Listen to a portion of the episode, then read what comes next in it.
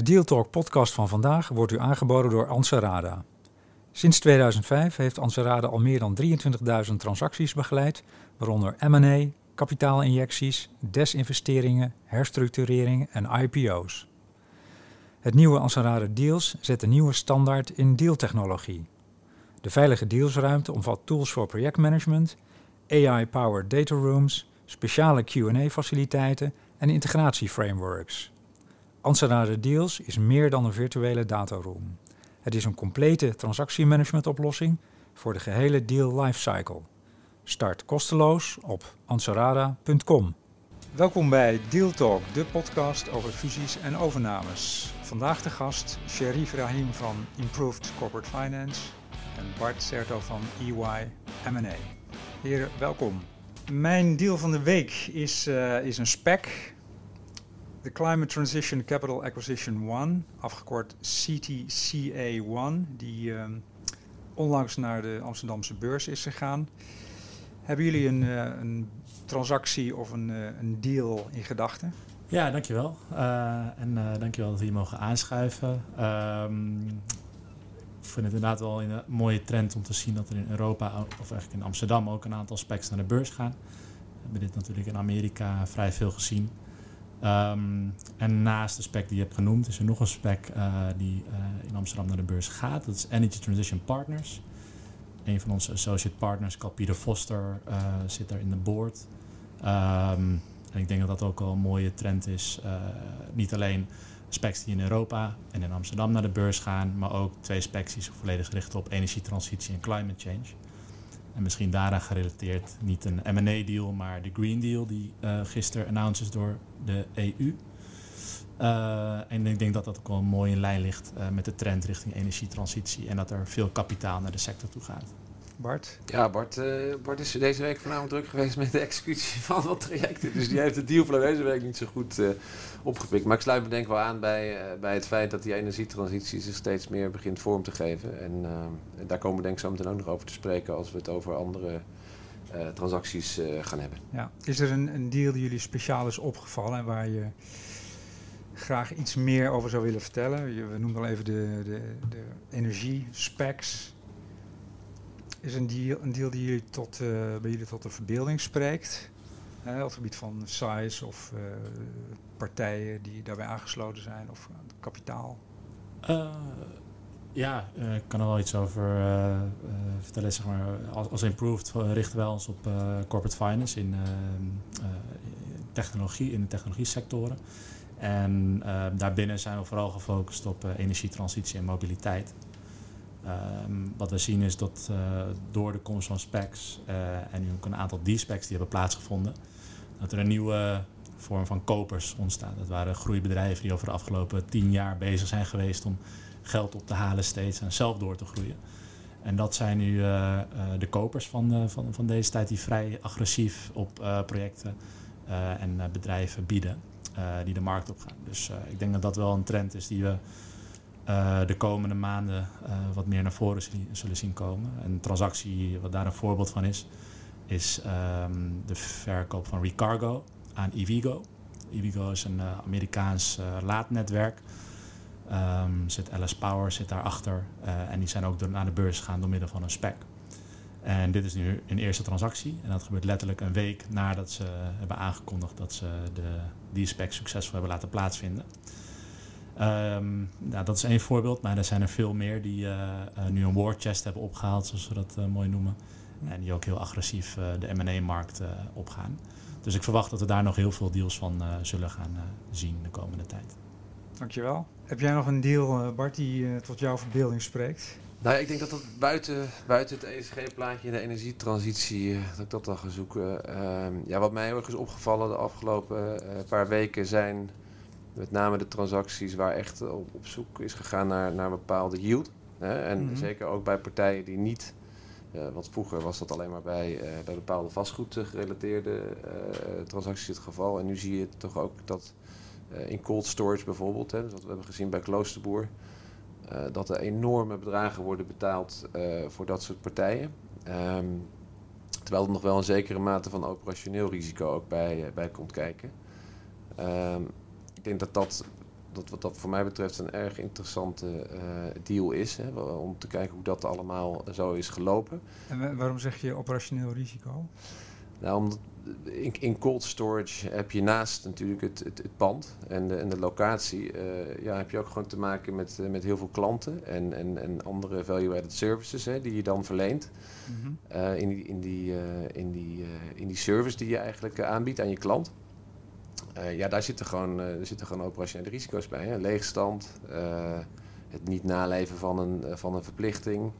klanten die failliet kunnen, kunnen gaan, klanten die, die te laat aankomen met hun levering in de waardeketen. Of klanten die juist hun, leveringen niet kunnen uitleveren aan andere landen. Hè, door wat we allemaal hebben gezien met Brexit of juist uh, COVID gerelateerd. Uh, dus, dus ja, dat is denk ik een goed voorbeeld van een markt die helemaal niet zo stabiel is als dat je zou denken. Uh, en, en wat een, een, een, een, typische yield play eigenlijk wel suggereert. Hè? En, en vroeger uh, werden multiples van, laten we zeggen, 15 tot 20 alleen eigenlijk betaald voor hele stabiele cashflows. Die werden geforecast. tegenwoordig worden dat soort multiples ook betaald voor partijen die nog wel degelijk een, een ja, risico met zich meebrengen. Misschien niet zozeer op de korte termijn als het contract nog wordt uitgediend, maar zeker als die contractonderhandelingen weer plaatsvinden. En zeker ook als de markt betreft waar waar een heleboel andere partijen ook consolideren. Dus Kloosterboer uiteindelijk is, is, is gekocht, of tenminste is getekend met, met Lineage. Dat is een, een hele grote Amerikaanse speler. Um, en die is samen met zijn concurrent uit Amerika, dat heet Americold, die zijn eigenlijk de hele markt aan het, aan het opkopen. ik denk dat ze ook zoveel betaalt om geen concurrent in het zadel te helpen in Europa. Dus, dus uiteindelijk hebben, heeft de verkoper daar uh, heel goed, denk ik, getimed. En hebben ze optimaal gebruik gemaakt van zowel het, het, ja, het yield spelletje wat er momenteel aan de gang is, als, als wel ook het, het, het, het, competitieve element. Uh, wetende dat er een soort eindspel aan de gang is uh, in, die, in, die, in die cold storage markt in Europa. Zie je de, de multiples omhoog gaan? Nou ja, ja, want ik heb, we, hebben, we hebben daar zelf. Overigens ben ik geen uh, sectorspecialist, dat wil ik ook niet zeggen op cold storage, want ik denk dat, niet dat die bestaan. Maar je ziet wel dat. Um, drie jaar geleden had je een andere asset in de markt, heette Partner Logistics. Die is uiteindelijk voor 12, 13, 14 keer uh, verkocht. En de vraag is altijd van wat. Maar, goed, die, die, op dat soort niveaus. Uh, ja, dat hebben de, de, heeft de koper dus. In dat geval Americold, die heeft dat wel goed, goed getimed. Want diezelfde asset zal nu ja, toch zeker vijf, zes keer meer op hebben gebracht. Dus het is waardecreatie voor de aandeelhouders van Americold geweest. En goed, die, die, die kun je natuurlijk uh, voor een heel groot gedeelte relateren aan de verlaagde rendementseisen van de investeerders. Hm. Ja, dus de, de andere interlopers, zoals we dat dan noemen, die zullen uh, ja, die zullen gewoon bereid zijn om een stuk meer te bieden om überhaupt die markt te kunnen betreden. En met de verlaagde rendementseisen die wellicht destijds nog op niveaus van 10, 11, 12, 13 procent lagen. Ja, die liggen nu een stuk lager. Ja, we weten dat nooit precies zelf als adviseur, maar mm. Ik denk dat dat zo 6, 7, uh, dat het daarop gaat hangen. Um, ja, en met, en met dat gegeven moeten die partijen, die interlopers ook steeds meer gaan nadenken hoe ze competitief kunnen bieden. Dus, dus naast en naast de prijs zijn natuurlijk ook de andere voorwaarden belangrijk. En, en, en, en hoe, hoe kunnen ze dealzekerheid bieden aan, uh, aan de verkoper. Dus wat je daar ook ziet is dat er steeds meer equity-only uh, wordt geboden om in ieder geval om part te komen met die strategische koper. Zie je dat soort bewegingen ook in andere sectoren? Hè? Dat grote partijen heel strategisch uh, opereren om marktaandeel te pakken? Kun je daar misschien een voorbeeld van geven? Ja, absoluut. Uh, ik denk dat we dit uh, in een aantal sectoren echt wel terug zien komen. Wij noemen het uh, land grab. Dus partijen die zijn heel agressief gericht op het winnen van marktaandeel. Ja. Veel gericht op groei. Kapitaal is natuurlijk goedkoop. Dus het ophalen van rondes tegen hoge waarderingen. Ja, dat zie je in de technologie sector heel veel, heel veel terugkomen. Een mooi voorbeeld daarvan dat is natuurlijk een beetje een overbodige luxe, maar dat je binnen 10 minuten al je boodschappen kan laten leveren door partijen als uh, Gorilla's. ja, daar, gaat, daar gaan bakken met geld aan in. En er zijn nu vijf partijen in Nederland bezig om daar marktaandeel te winnen. Dus je hebt dat natuurlijk gezien bij uh, um, bezorgdiensten als Deliveroo, Uber Eats. En daar heeft die slag ook plaatsgevonden. Heeft bijvoorbeeld Foodora heeft zich teruggetrokken vanuit Nederland. Uh, dus dat zijn wel interessante uh, landgrabbing strategieën die, die wij denk ik in best wel veel sectoren zien. Hm.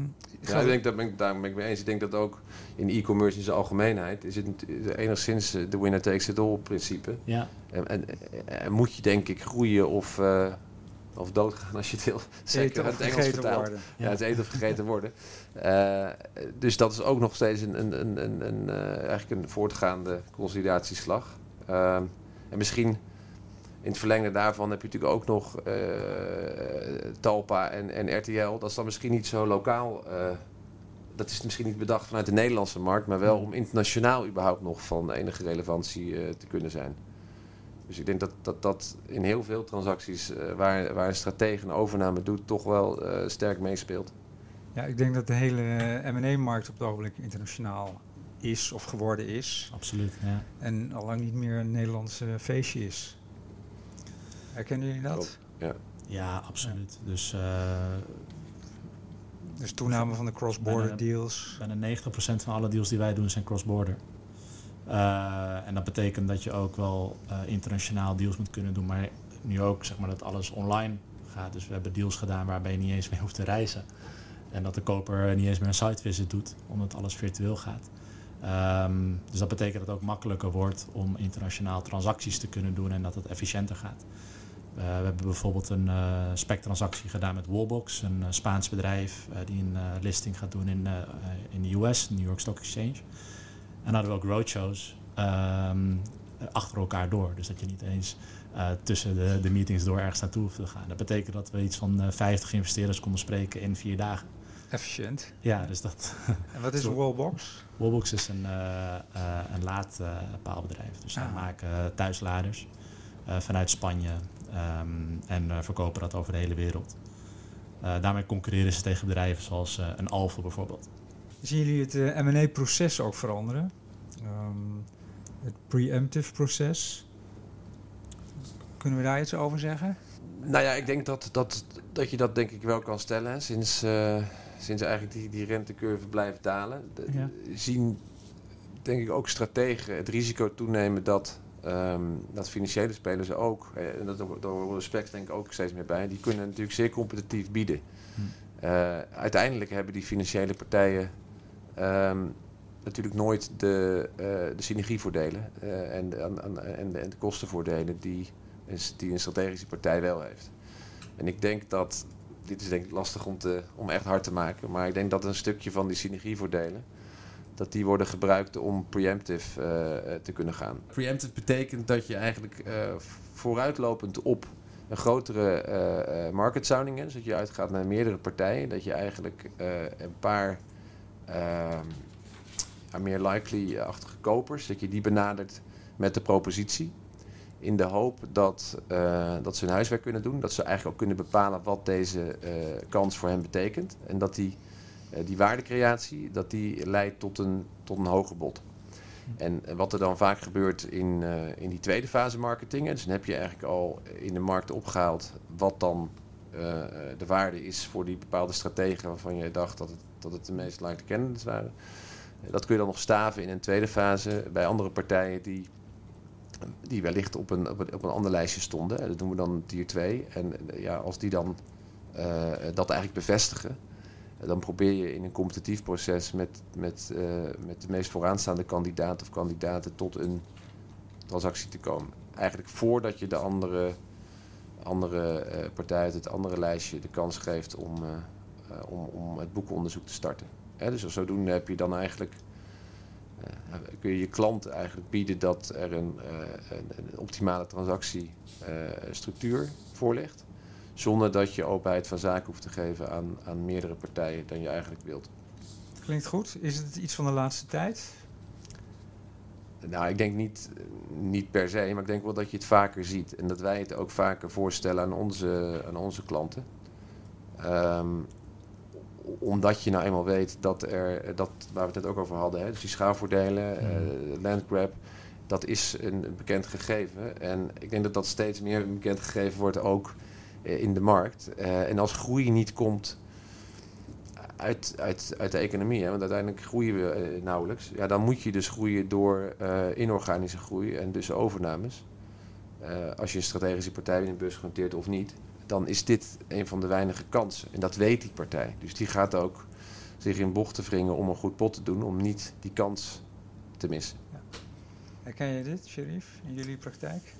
Ja, uh, uh, zeker. Dus uh, preemptive processes die zien we wel plaatsvinden, maar wij geloven heel erg in um, sectorspecialisme. Dus als wij um, binnen energietransitie of binnen mobiliteit een, uh, een, een, ondernemer of een investeerder helpen in, in, in, een, of adviseren in een M&A-traject. Uh, daar worden we vaak ook gekozen omdat we ja, toch een, een, iets van een beeld hebben van het kopers, van het kopers-ecosysteem. Um, en dat betekent dat we ja, niet echt een preemptive process doen, maar wel heel selectief zijn in de partijen die we uitnodigen. En dat komt omdat we de, de, de, de ingangen hebben van voorgaande processen en eigenlijk ook alleen maar daarop focussen.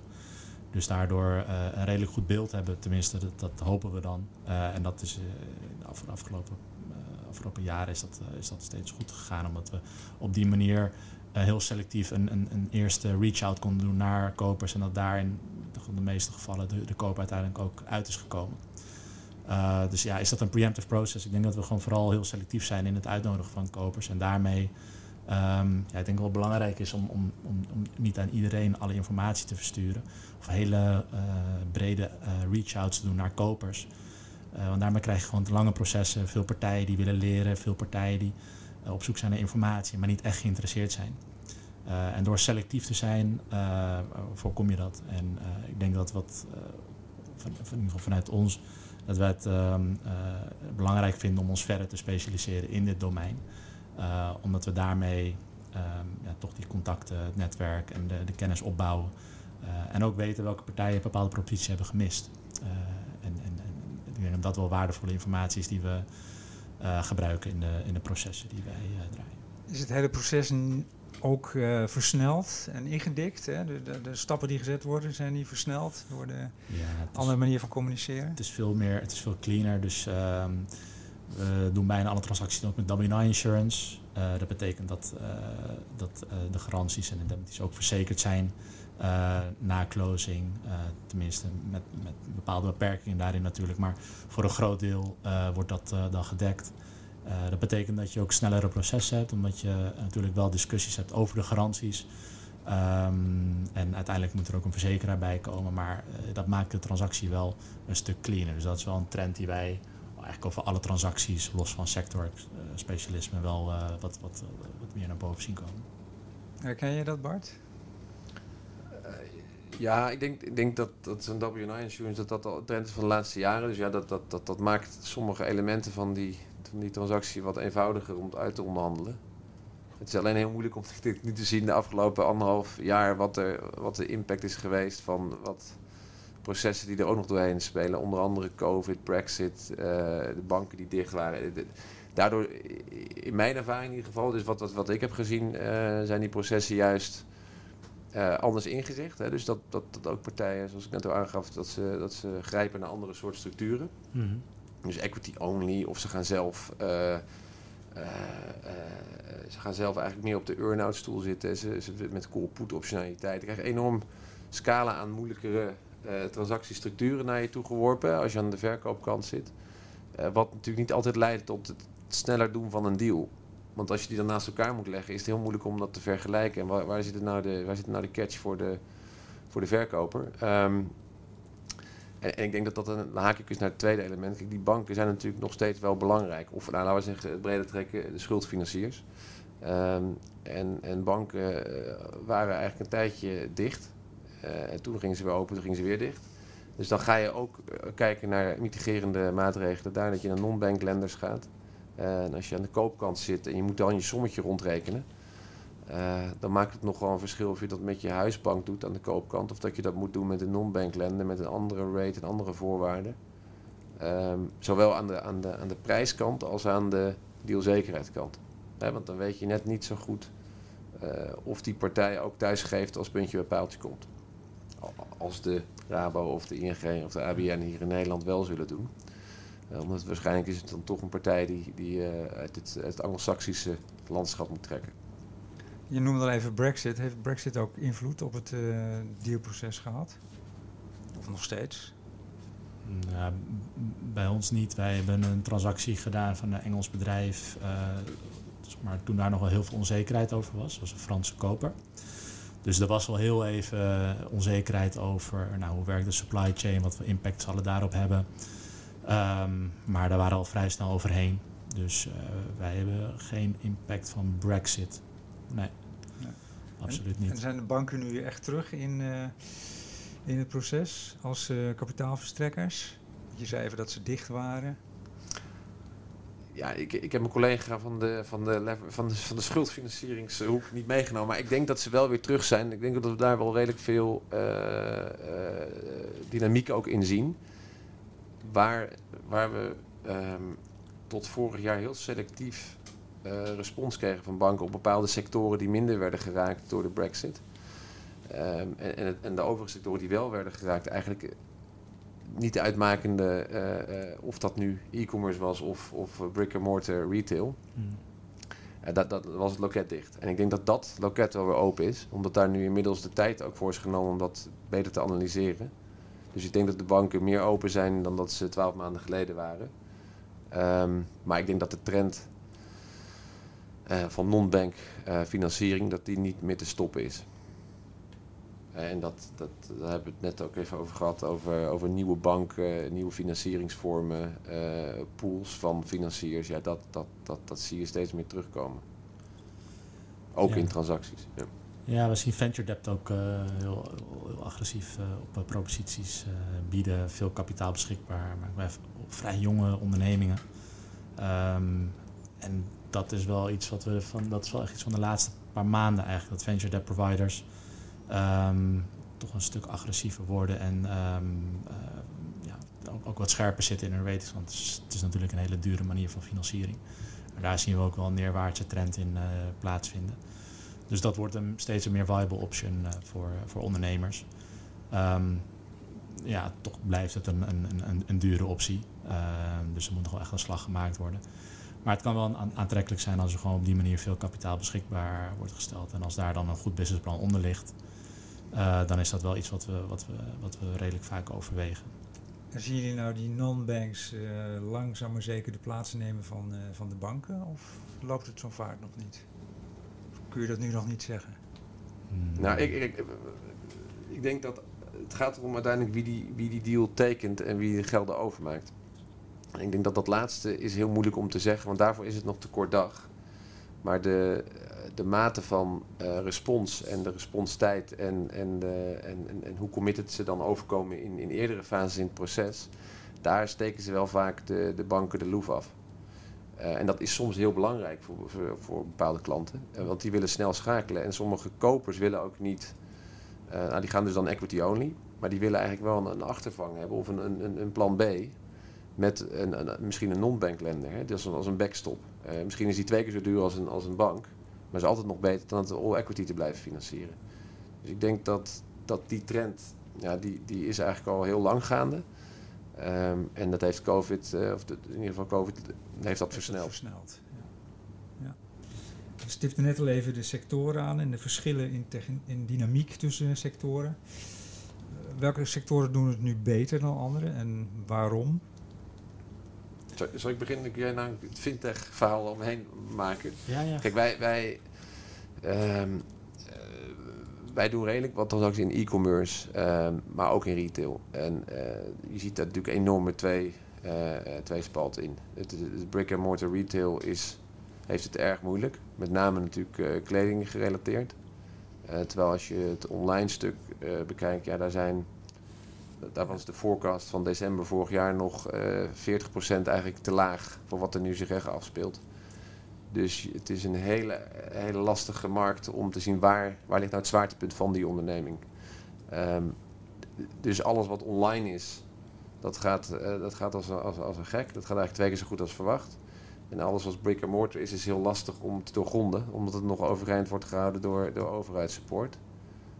Maar als banken uh, niet meer financieren in brick and mortar, ja, dan, dan weet je eigenlijk al wel welke kant het op gaat. Want dan kun je ook niet meer investeren in je voorraad. Het is natuurlijk steeds lastiger om terug te komen. Um, en ik denk dat fintech daar goed op aansluit. Hè. Die, die profiteren natuurlijk ook met name van die, uh, die transitie naar online. Dus dat, dat, dat, dat, dat, dat zien we heel erg, uh, heel erg verschijnen. En, en onder andere met Buy Now, Pay Later-achtige oplossingen. Ja, die nemen een even grote vlucht mee. En dat versterkt eigenlijk alleen maar, het, denk ik, de waardepropositie die online boven brick and mortar heeft.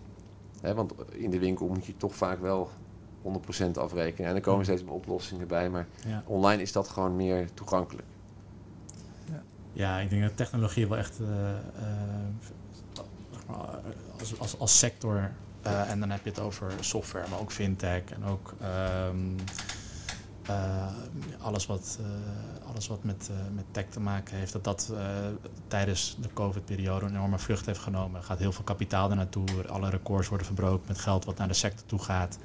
En het is een hele stabiele sector gebleken.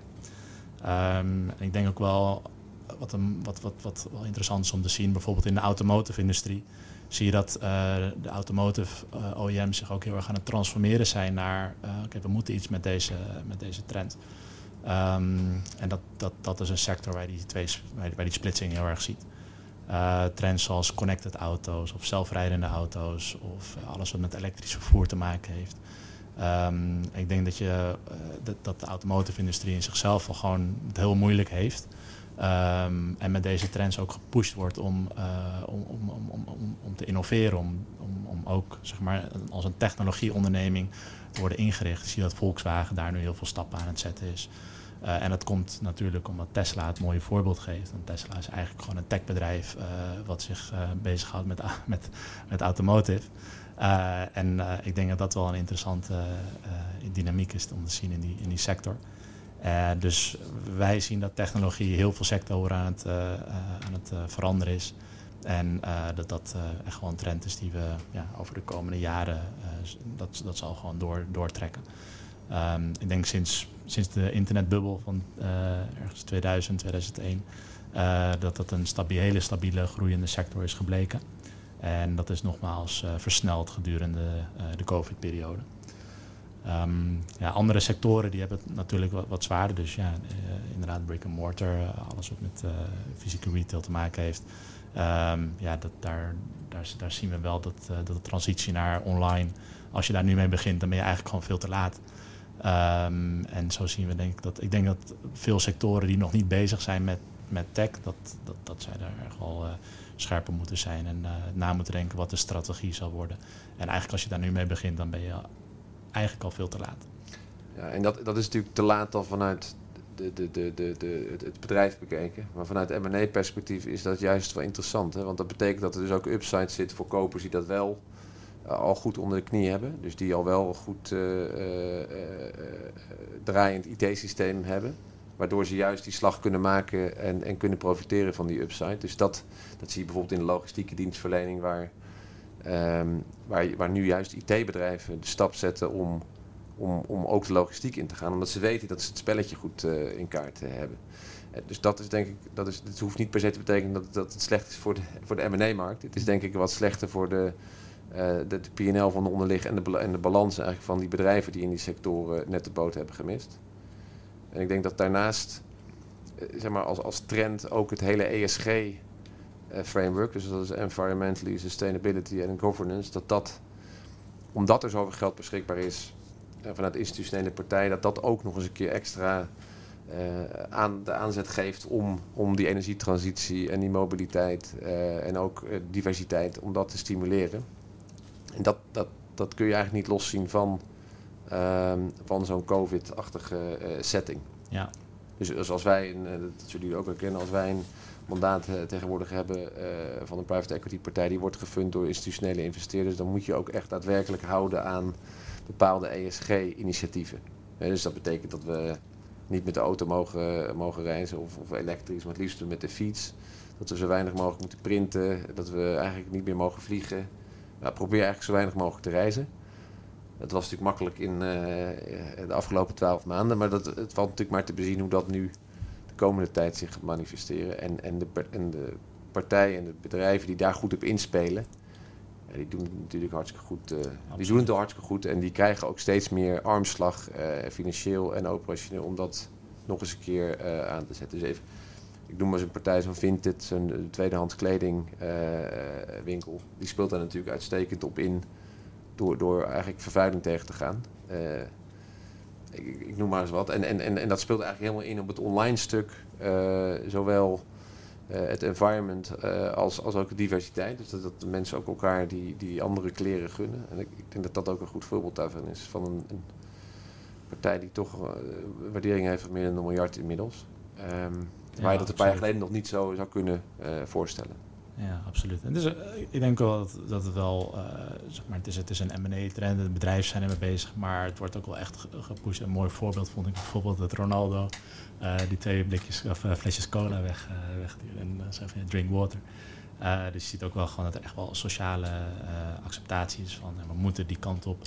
het wordt gepusht door de overheid. en consumenten vragen erom. Hè? exact, exact. Ja, ja. Wat zijn jullie verwachtingen voor de M&A-markt in de tweede helft van dit jaar? Ja, ik denk dat, het, dat, dat we eigenlijk vanaf uh, september vorig jaar, op het moment dat mensen een beetje doorkregen dat je M&A-transacties kon doen tijdens een pandemie. Uh, vanaf dat moment hebben we één lange rally gehad met record na record van ja, M&A-transacties, aantal transacties, volume van transacties.